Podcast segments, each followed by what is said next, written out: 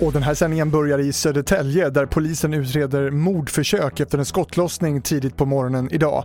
Mannen ska ha blivit skjuten i benet på en parkeringsplats när han var på väg till jobbet. Vittnen ska ha sett flera personer springa från platsen men vad som ligger bakom är oklart. Enligt polisen har ingen gripits.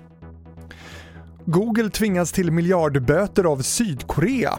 Bolaget har missbrukat sin dominerande ställning enligt Sydkoreas konkurrensmyndigheter och Google måste betala motsvarande 1,5 miljarder kronor i böter för att ha försvårat för konkurrenter. Google tänker överklaga beslutet.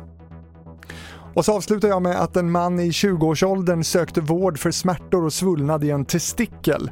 Men efter första undersökningen missade sjukvården att mannen hade pungvred, vilket vanligtvis kräver operation och han skickades hem.